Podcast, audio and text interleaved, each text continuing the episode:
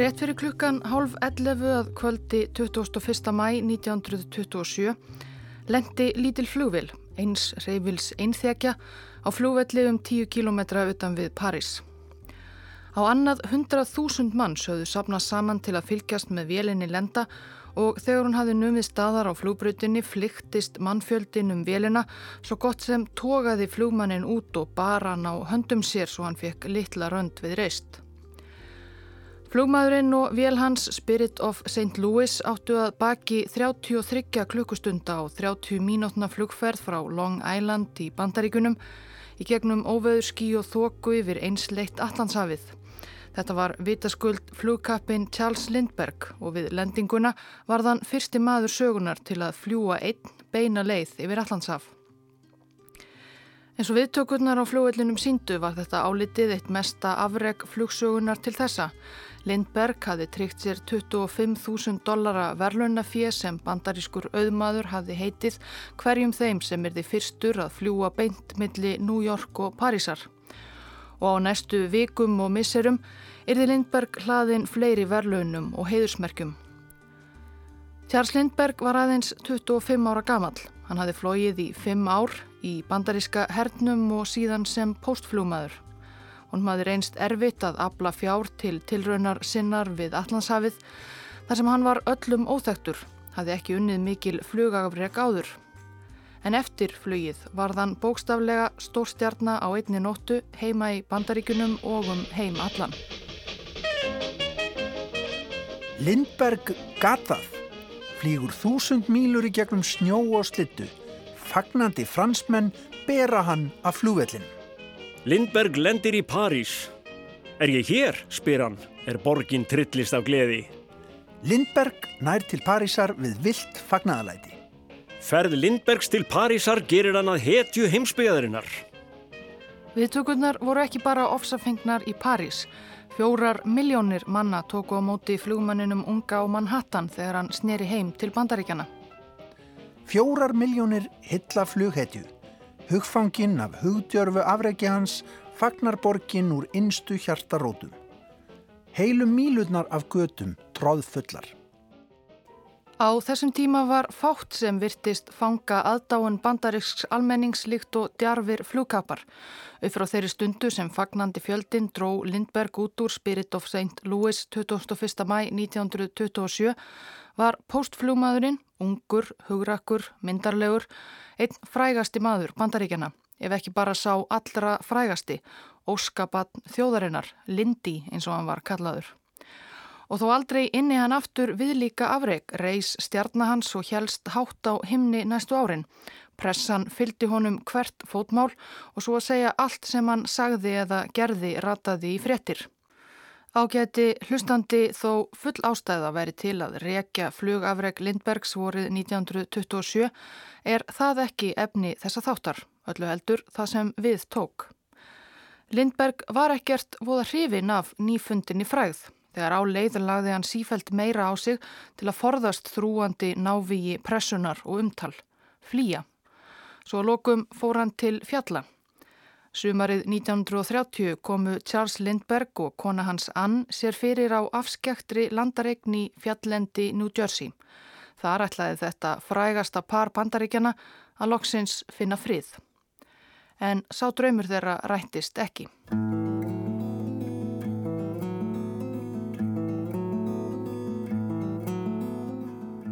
Charles og Ann höfðu gift sig í mæ 1929 Hann var dóttir sendiherra bandaríkjana í Mexiko. Brúðköp þeirra vakti mikinn áhuga fjölmiðla og almenningsins og annað sem brúðguminn gerði. Þau reyndu að halda því lindu en... Lindi laumast burt frá öllum. Óvænt Lindberg brúðköp.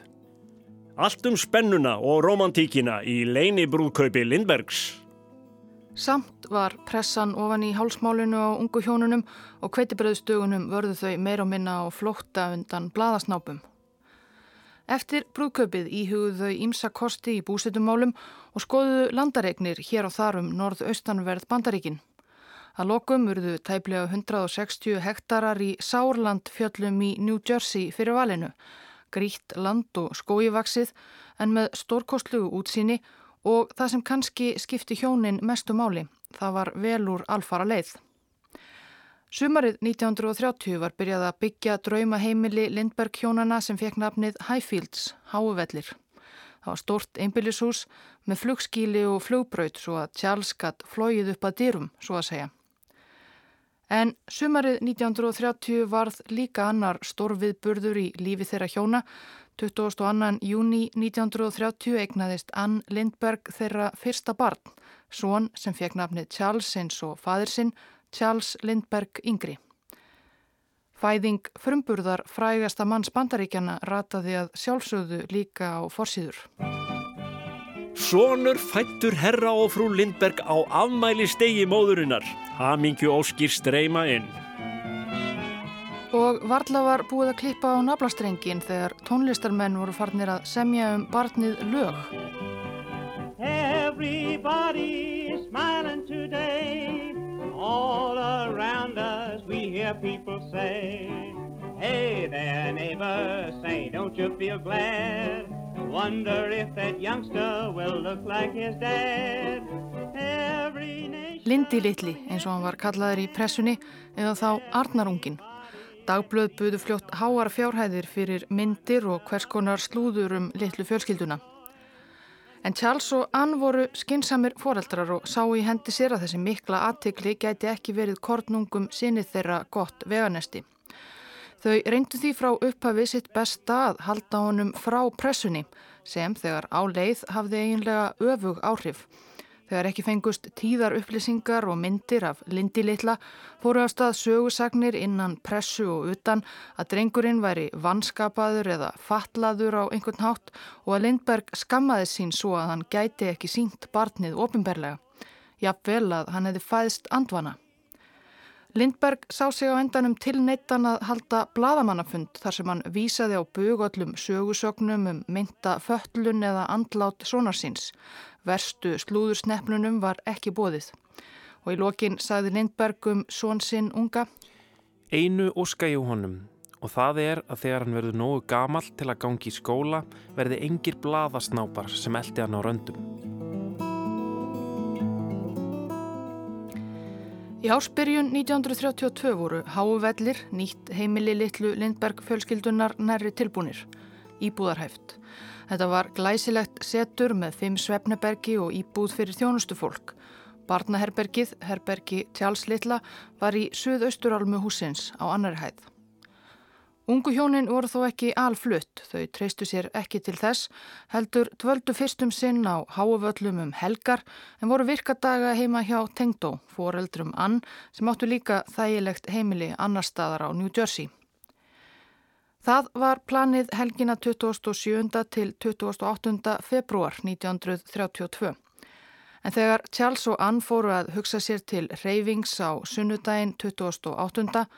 var engasonurinn orðin eitthvað kvefaður. Allavega treystuðu sér ekki til að fara með hann í ferðalæð þvert á New Jersey þetta kvöldið. Það var vond veður að auki. Svo þau ákváðu að vera lengur á háavöllum, einhverja daga. Ekki leið á löngu þar til Ann var líka farin að kvefast svo hún ræsti út bartfóstruna.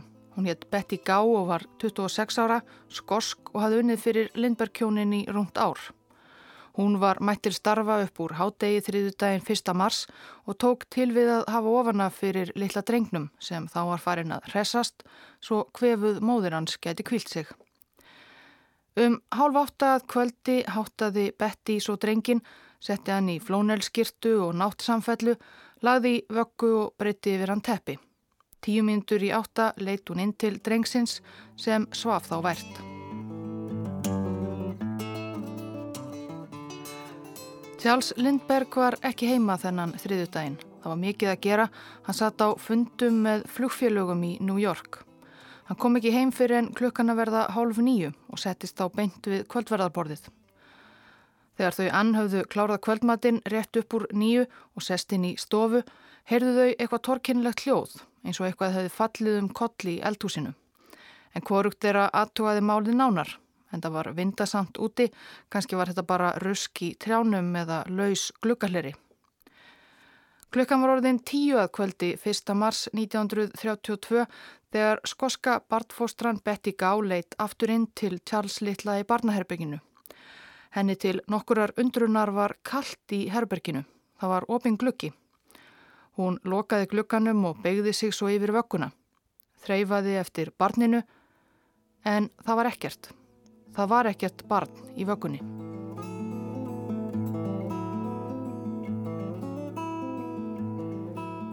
Barnfóstran tók á rás um húsið. Spurði móðurinn að Ann fyrst hvort hún væri með barnið, Littla. Nei, saði hann, er hann ekki sofandi? Betty hljóp þá til föður sinns. Var hann einhver staðar með svon sinn? Nei, svaraði Lindberg, var hann ekki bara í vöggunni sinni? Það var hann ekki og hryllileg staðreind rann upp fyrir Charles Lindberg. Svonurinn, 20 mánada, hafði ekki farið upp úr vöggu sinni og af stað eitthvert sjálfur. Einhver hlaut að hafa tekið hann.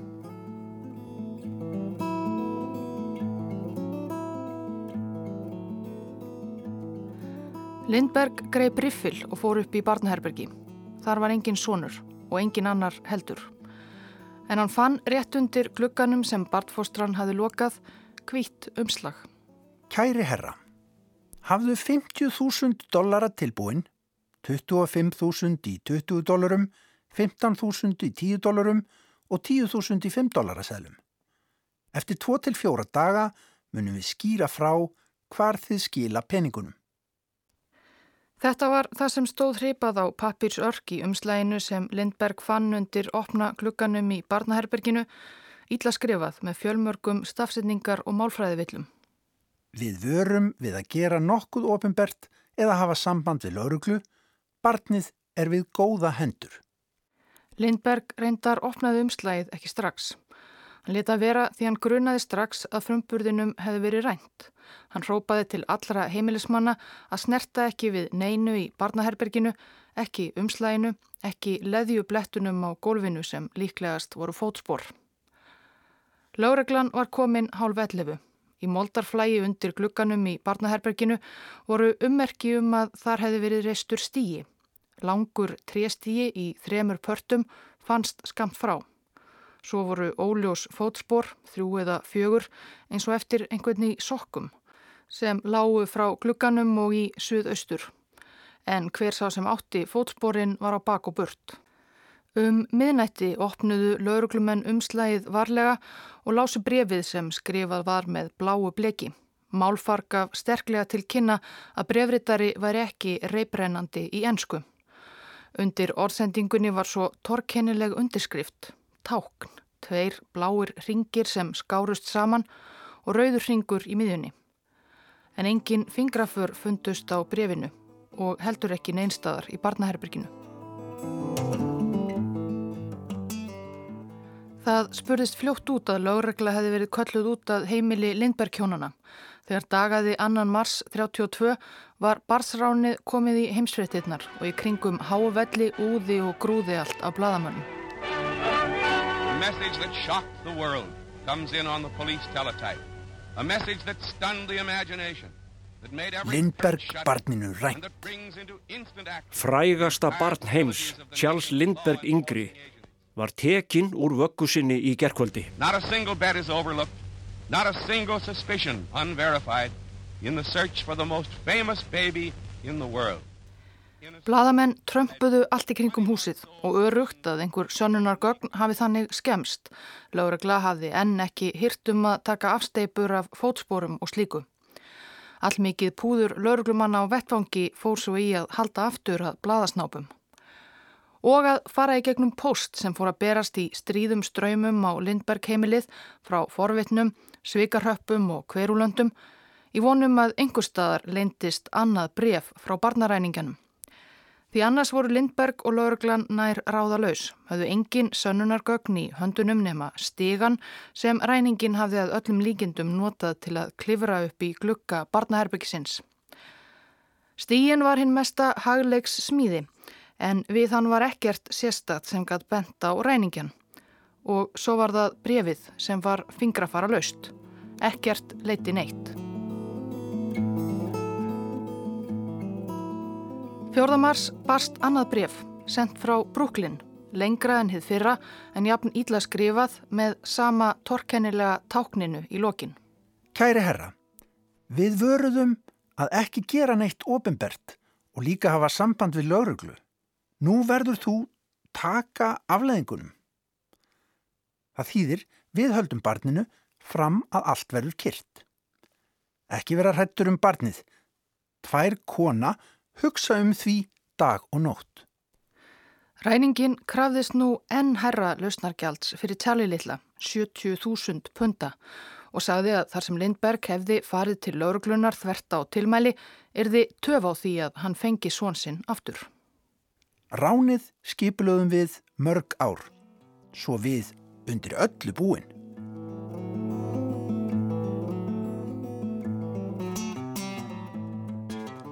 Bönd bárust fljóttað mafíunni eða öðrum skipilöðum glæpasamtökum Það var sorglega algengt á þessum tíma að glæpa menn rændu börnum auðmanna og krefðust lausnargjalds. Þegar ansókn lauruglupar engan árangur reyndi Charles Lindberg sjálfur að setja sér í samband við menn í undirheimum í leitað upplýsingum. Margir buðust til þess að færa honum upplýsingar gegn vægu gjaldi. En ekkert var trúverðugt. Drengurinn virtist hafa gufað upp. Kynum til sögunar einn af fjölmörgum aðdáendum Lindbergs, mann að nafni John F. Condon.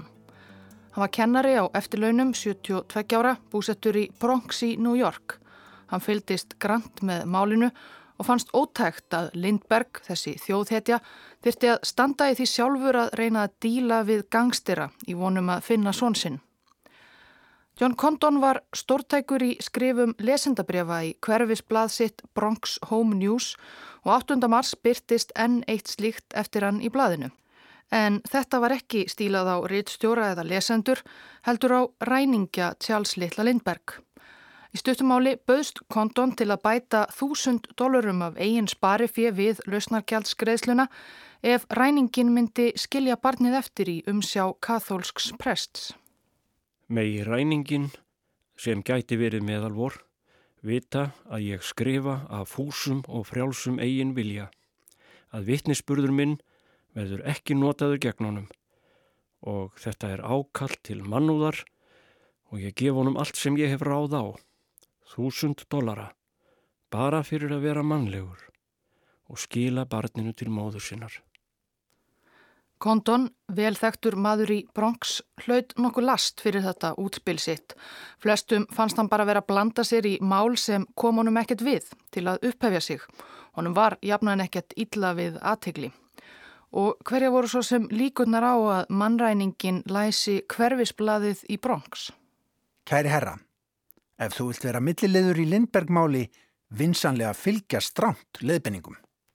Líklega var Kondon bara að reyna að leika hetju. Hann bjóst allavega sjálfur ekki við því sem gerðist næst. 9. mars barst honum bref frá ræningjönum. Hann skrifað bref allsett mál og stafsendingavillum. Ekki segja neinum um þetta um leið og við finnum út að látið vita, pressu eða lögreglu, allt er hægt við og frekar í töf. Ræningin saði Kondon að hafa samband við Lindberg og útvega lausnarkjaldið. Þegar það væri tilbúið ætti þann að fá prentað í dagbladið New York American þrjú orð. Peningarnir eru tilbúinir og býða svo frekar í fyrirmæla. Kondon hófst handa. Hann byrjaði reyndar á því að hitta vinsinn á veitingahúsi og stæra sig þar aðeins af því hvaða gríðar mikilvæga hlutverk hafi fallið honum í skaut. En svo hjælt hann að heimili Lindberg kjónana, þar sem enn var allt fullt af lauruglumönnum sem ekki höfðu komist langt í rannsóngsinni. Kondon fundaði með Lindberg-kjónunum. Þau töldu brefið sem hann hafi fengið greinilega ár sama ranni og það sem ræningin hafi sendt þeim. Svo það var lítið annað að gera en að ganga þessum nýjustu kröfum ræningjans og nota 72 ára kennara á eftirlaunum John F. Condon sem millilið og vona að hann gæti skilað þeim frumburðinum heilu og höldnum.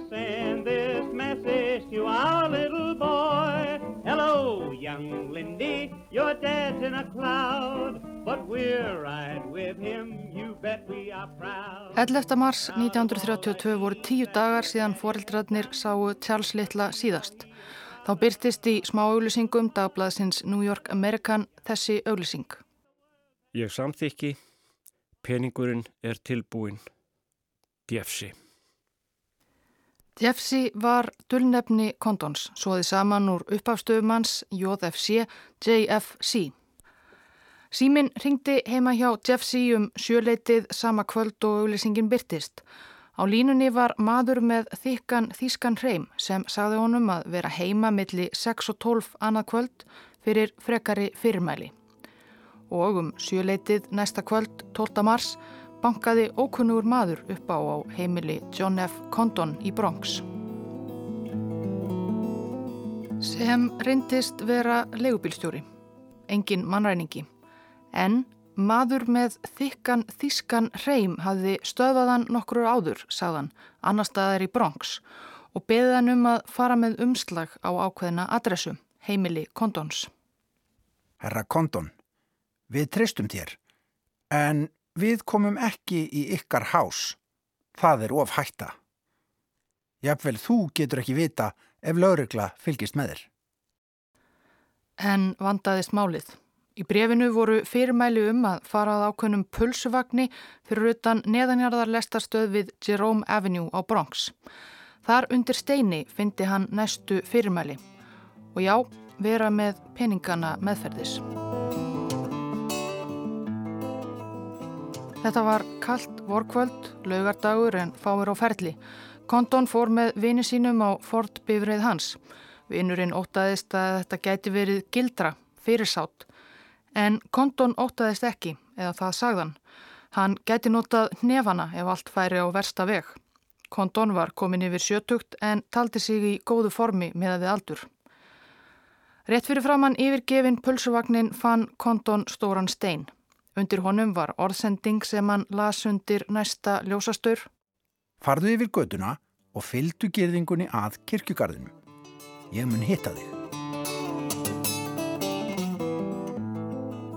Þegar hann skýtur þig þarf allavega ekki að flytja þig langt, grínaðist vinur Kondons þegar hann skildi við hann við hliðið að útlán kirkjugarðinum á Bronx. Kondon let engan bilbu á sér finna. Hlið garðsins voru lokuð en Kondon kom sér fyrir fyrir utan. Eftir nokkra byð byrtist maður hinum megin við hliðið, klættur í dökkan frakka og með barðastóran hatt dreygin fyrir augun og með kvítan vasaklút fyrir vitum. Fjekstu brefið, spurði maðurinn þegar hann hafi komið sér upp að hliðinu sem aðskildi þá. Hann talaði með þýskum hreim. Kondon hjátaði því, en hann væri ekki með peningana.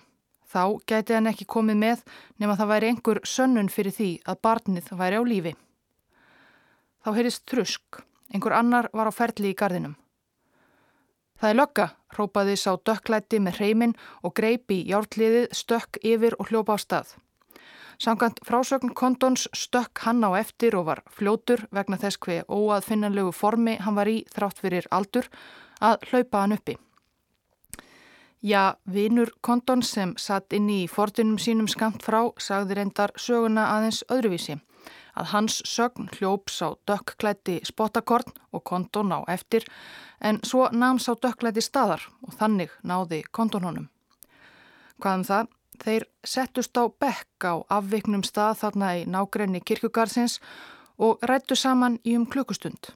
Hvað þeim fór á milli nákvæmlega er eitt af því marga í þessari sögu sem er óljóst. Sjálfur var Kondon margsaga um samtal sitt við mannin sem síðar fekk viðurnefnið Kirkugarðs John. Hann saði Kondon að kalla sig bara John. Hann var allan tíman með vasaklútin fyrir vitunum svo að Kondon gatt varðla séð framann í hann.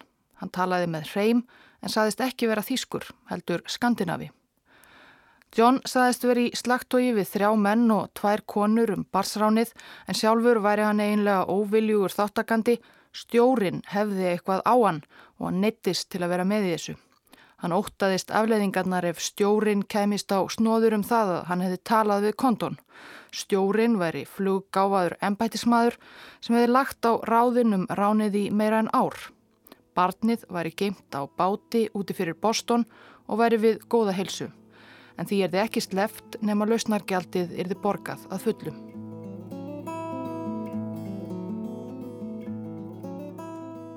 16. mars 1932 hafði Charles Lindbergh yngri verið fjarr í foreldrum sínum í 15 daga. Auk þess að fylgjast með samningaviðræðum og eltingaleikjum hins sérvitra kennara Kondon hafði laurugla reynd við ímsar kenningar. Þjónustu fólk Lindberg kjónana hafi verið yfirheirt margóft sem og þjónustu stúlkur á heimili tengdaforeldrana þar sem litla fjölskyldan bjó á virkumdögum en ekkert leiti neitt. En 16. mars barst John Condon ekki bara bref heldur pakki. Í honum var grá ungbarna samfella. Áþekk þeirri sem Lindi Litli hafi verið settur í fyrir háttin kvöldið sem hann kvarf. Condon let kalla í föðurinn. Charles Lindberg bankaði upp á hjá honum í Bronx klukkan hálf tvö um nóttina. Fyrr treysti hann sér ekki af stað vegna allra bladamannana sem sátu jafnan fyrir honum og það í dularkerfi með dökk sólgleru að næturlægi. Lindberg grand skoðaði samfelluna, þreyfaði á efninu og tölum. Þetta er svefn samfella sonar míns. Þetta er svo sem hann var í nóttina sem hann var tekin. Bætti svo við En af hverju allir þeir hafi lagt í að þvó hana? Samfellan var greinilega nýlega þvegin, en viðstattir gáttu engu svarað hvers vegna.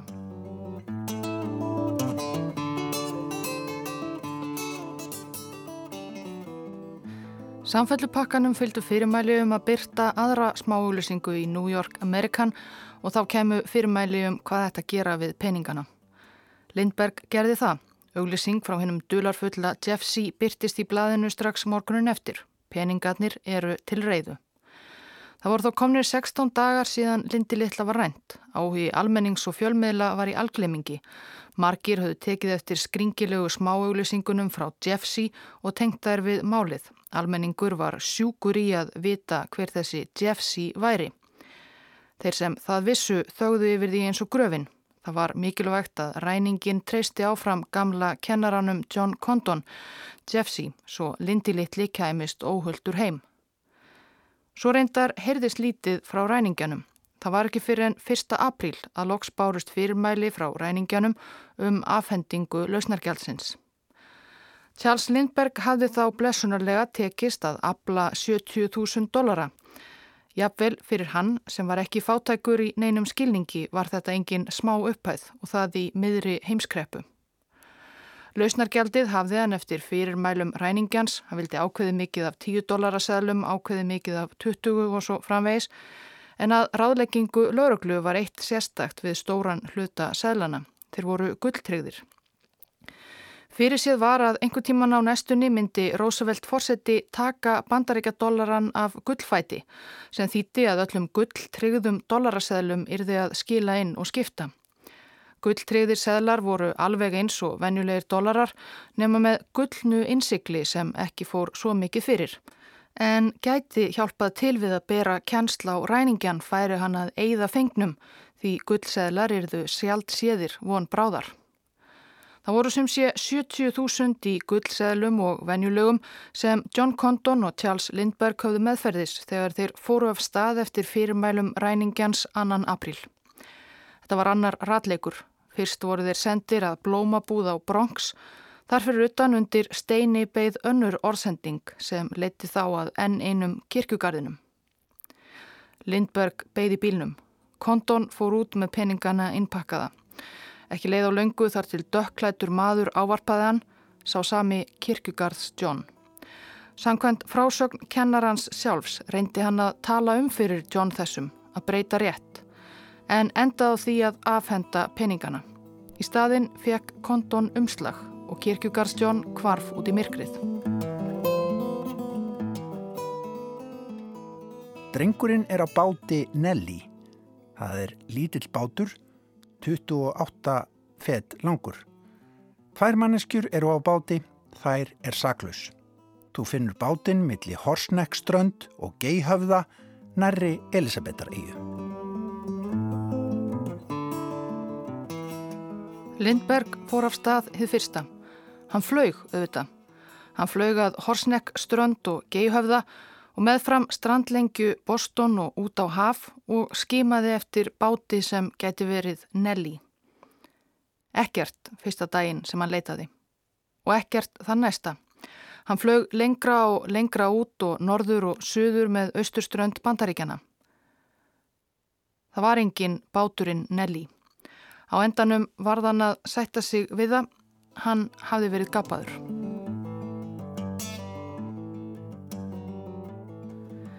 Uppur þrjú síðdeis 12. mæ 1932 namn sendibílstjórin William Allen staðar á Sveitaveg í New Jersey til að pissa.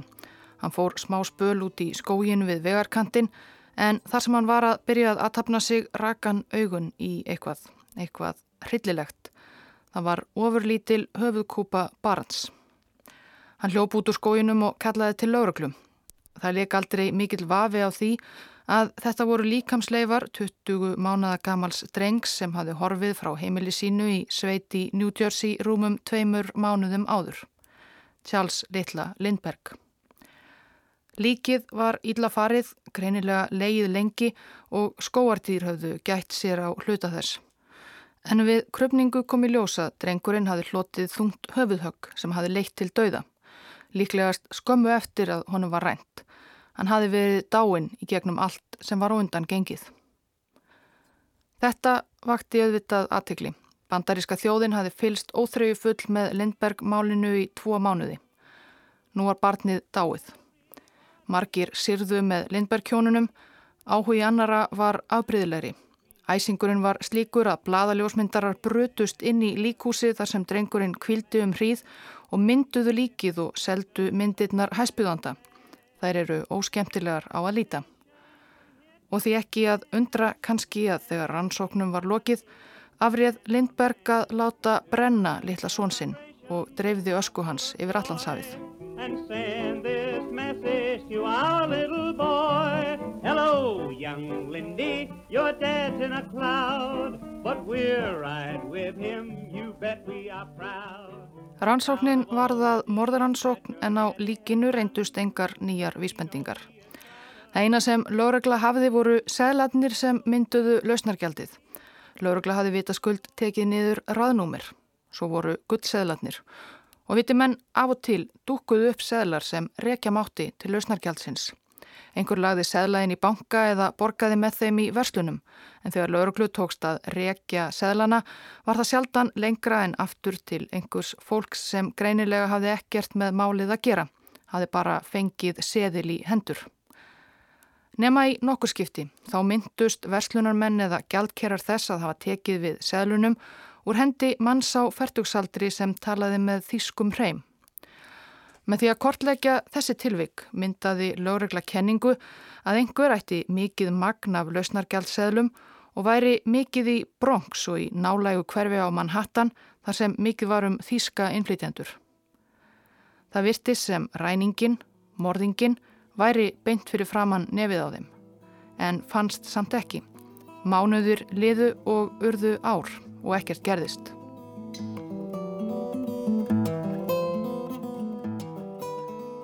Þar til 18. september 1934, tveimur og hálfu ári eftir að Lindberg-barninu var rænt, að 10 dólara gulltryggður seðill úr lausnargjaldinu dúkaði upp í banka í Bronx. Engin gjaldkeri mundi hver hafi lagt hann inn en á seðlinum var skrifað með blíjandi 4U1341. Þetta var bílnúmer Gat verið að seðillin hafi komið í gegnum bensinstöð, datt laurglumann í hug. Já, það tókst að reykja hann til ákveðinar stöðvar líka á Bronx. Og viti menn yfirmaðurinn þar myndi vel eftir selinum. Nokkrum dögum áður hafi maður komið að láta fylla á bláan Dodge. Maður sem talaði með þykkum þýskum hreim og borgaði með gulltryggðum 10 dollara seli. Starsmanninum fannst það dularfullt. Þarna var gullfóturinn farinn og það var svo lítið eftir af gullseðlum í umferð. Maðurinn var grunnsamlegur. Svo hann ákvaða að skrifa niður bílnúmerið á seðilinn ef skekkinni að hann væri falsaður, hugsaðan. Það var auðvelt að rekja bílnúmerið og næsta morgun hann tók New York lauraglan 35 ára gamlan trésmið Bruno Richard Hauptmann. Hann var búsettur á Bronx á samt konu og barni en fættur í Saxlandi í Þískalandi. Þegar hann var handekinn var hann með á sér einn 20 dollara gullseðil úr lausnargjaldsjónum og þegar lauruglumenn leituðu í litlum vinnuskúr í gardinum hjá honum fundu þeir þar all marga gullseðla til viðbótar, andvirði 14.000 dollara falda í vöndlum inn í veggjum og í gömlum málingadósum, seðla úr lausnargjaldsjónum. Í yfirheyslu neytaði Hápmann öllum. Hann gaf misvísandi skýringar á peningunum í skúrnum en saða lokum að fyrverandi viðskiptafélagi hans hefði látið hann geima þá og látið sér svo hverfa. Sá maður var þá látin.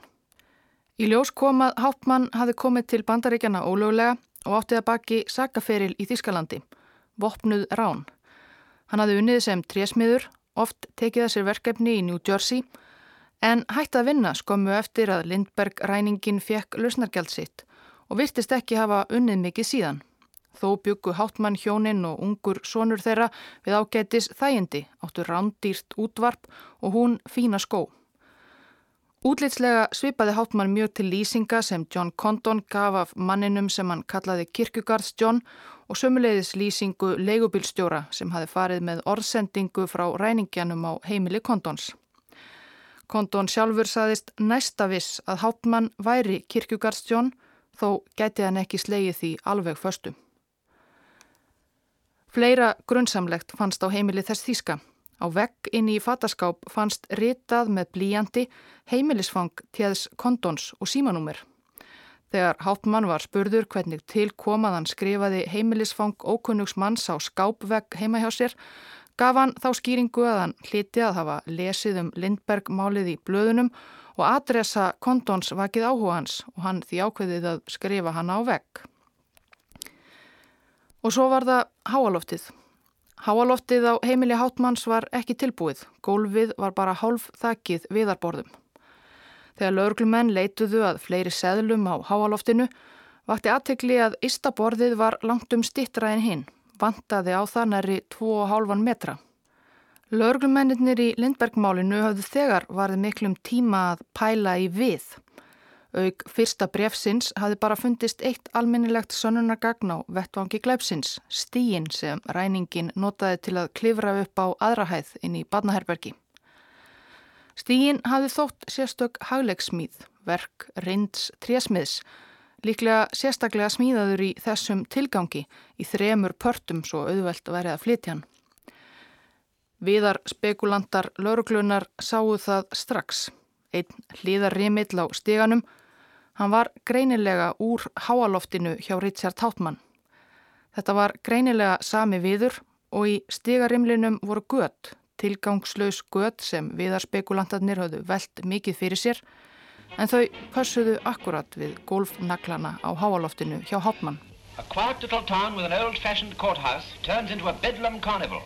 Þau voru kölluð réttarhöld aldarinnar þegar Bruno Richard Hautmann var færður fyrir hérastómi Flemington í New Jersey 3. janúar 1935, sakaður um að hafa svikið fyrir af Charles Lindbergh og myrt sónans. Kenning saksóknara var að Hautmann hefði dottið á flóta með barnið og það þannig hlotið höfuðhöggið sem var því að bana. Crowds try to swarm in for the trial. Hundreds of telegraph wires to flash the news and battalions of photographers all awaiting the arrival of the leading player in the Hauptmann trial drama at Flemington. Pressan fyldist ól með hverju orði sem heyrðist í dómsal. Hauptmann neytaði enn öllu.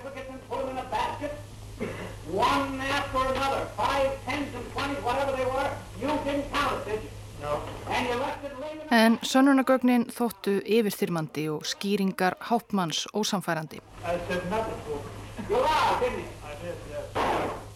So ends the great trial with the verdict of murder in the first degree. Og 13. februar 35 sagði kviðdómur Hápmann sekan í báðum ákæraliðum. Hann var dæmdur til dauða. Tilurinn hans til áfrýja var hafnað og svo lengi sem hann livði neytaði hann öllum tilbóðum um að játa glæpin fyrir mildari dóm. Hann var tekin af lífi með 2000 voltum af ramagni í ramagstóli í ríkisfangisli New Jersey 3. april 1936 fjórum árum eftir að Lindi Littla var reynd. Var hann hrettur við dauðan, spurði bladamæður skömmu áður. Þið getið ímyndað ykkur hvernig mér líður þegar ég hugsa um konu mína og börn, svaraði Háttmann.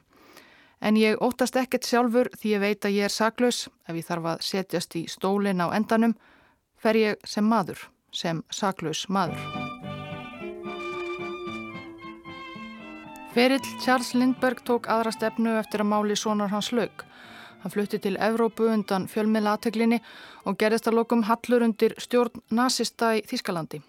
Það er önnur saga. Morðið á Charles Ingri, glæpur aldarinnar eins og sumir sögðu vekur enn áhuga fólks. Ótalmarkar kenningar eru til um málið. Til eru þeir sem evastum segt hápmanns, segja að sökinni hafi verið klínt á hann.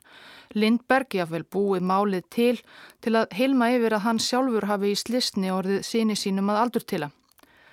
Svo að segja allt sem hér hefur komið fram hefur verið dreyið í efa af einhverjum. Mis gáfulega fæstar slíkar kenningar standast mikla skoðun. En spurningum eru auðvitað en ósvarað í málinu. Háttmann skýrði jú aldrei málsitt. Var hann einnað verki eða voru þessar manneskjur sem ræningin saðist vera í vitorði með, voru þær til hver var stjórin sem kirkugarðs John hrættist svo mjög. Þeim spurningum verður eflaust aldrei svarað. Everybody is smiling today All around us we hear people say Hey there neighbor, say don't you feel glad Wonder if that youngster will look like his dad. Every nation from here to Japan Everybody at sea and on land To join the celebration with hearts full of joy And send this message to our little boy Hello, young Lindy, your dad's in a cloud But we're right with him, you bet we are proud Proud of all the deeds that your daddy has done But we know he is prouder of his little son. Hello, young Lindy, the world's at your door. Farmers, statesmen, the rich and the poor. Waiting with a welcome, they want you to know. Hello, young Lindy, hello. Every mother all over the land sends her blessing to you, little man. Though you're famous and known everywhere, still you're just a baby that needs mother's care. Little token of sunshine and cheer, a birthday present to your mother dear, to show the dauntless courage your folks have displayed and carry on the name they have made.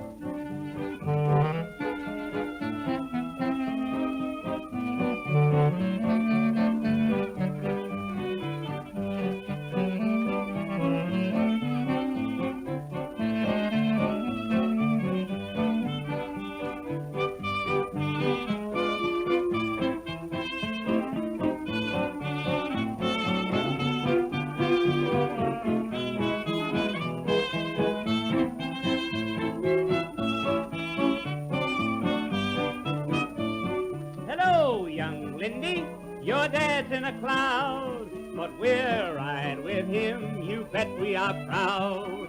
Proud of all the deeds that your daddy has done, but we know he is prouder of his little son. Hello, young Lindy, the world's at your door.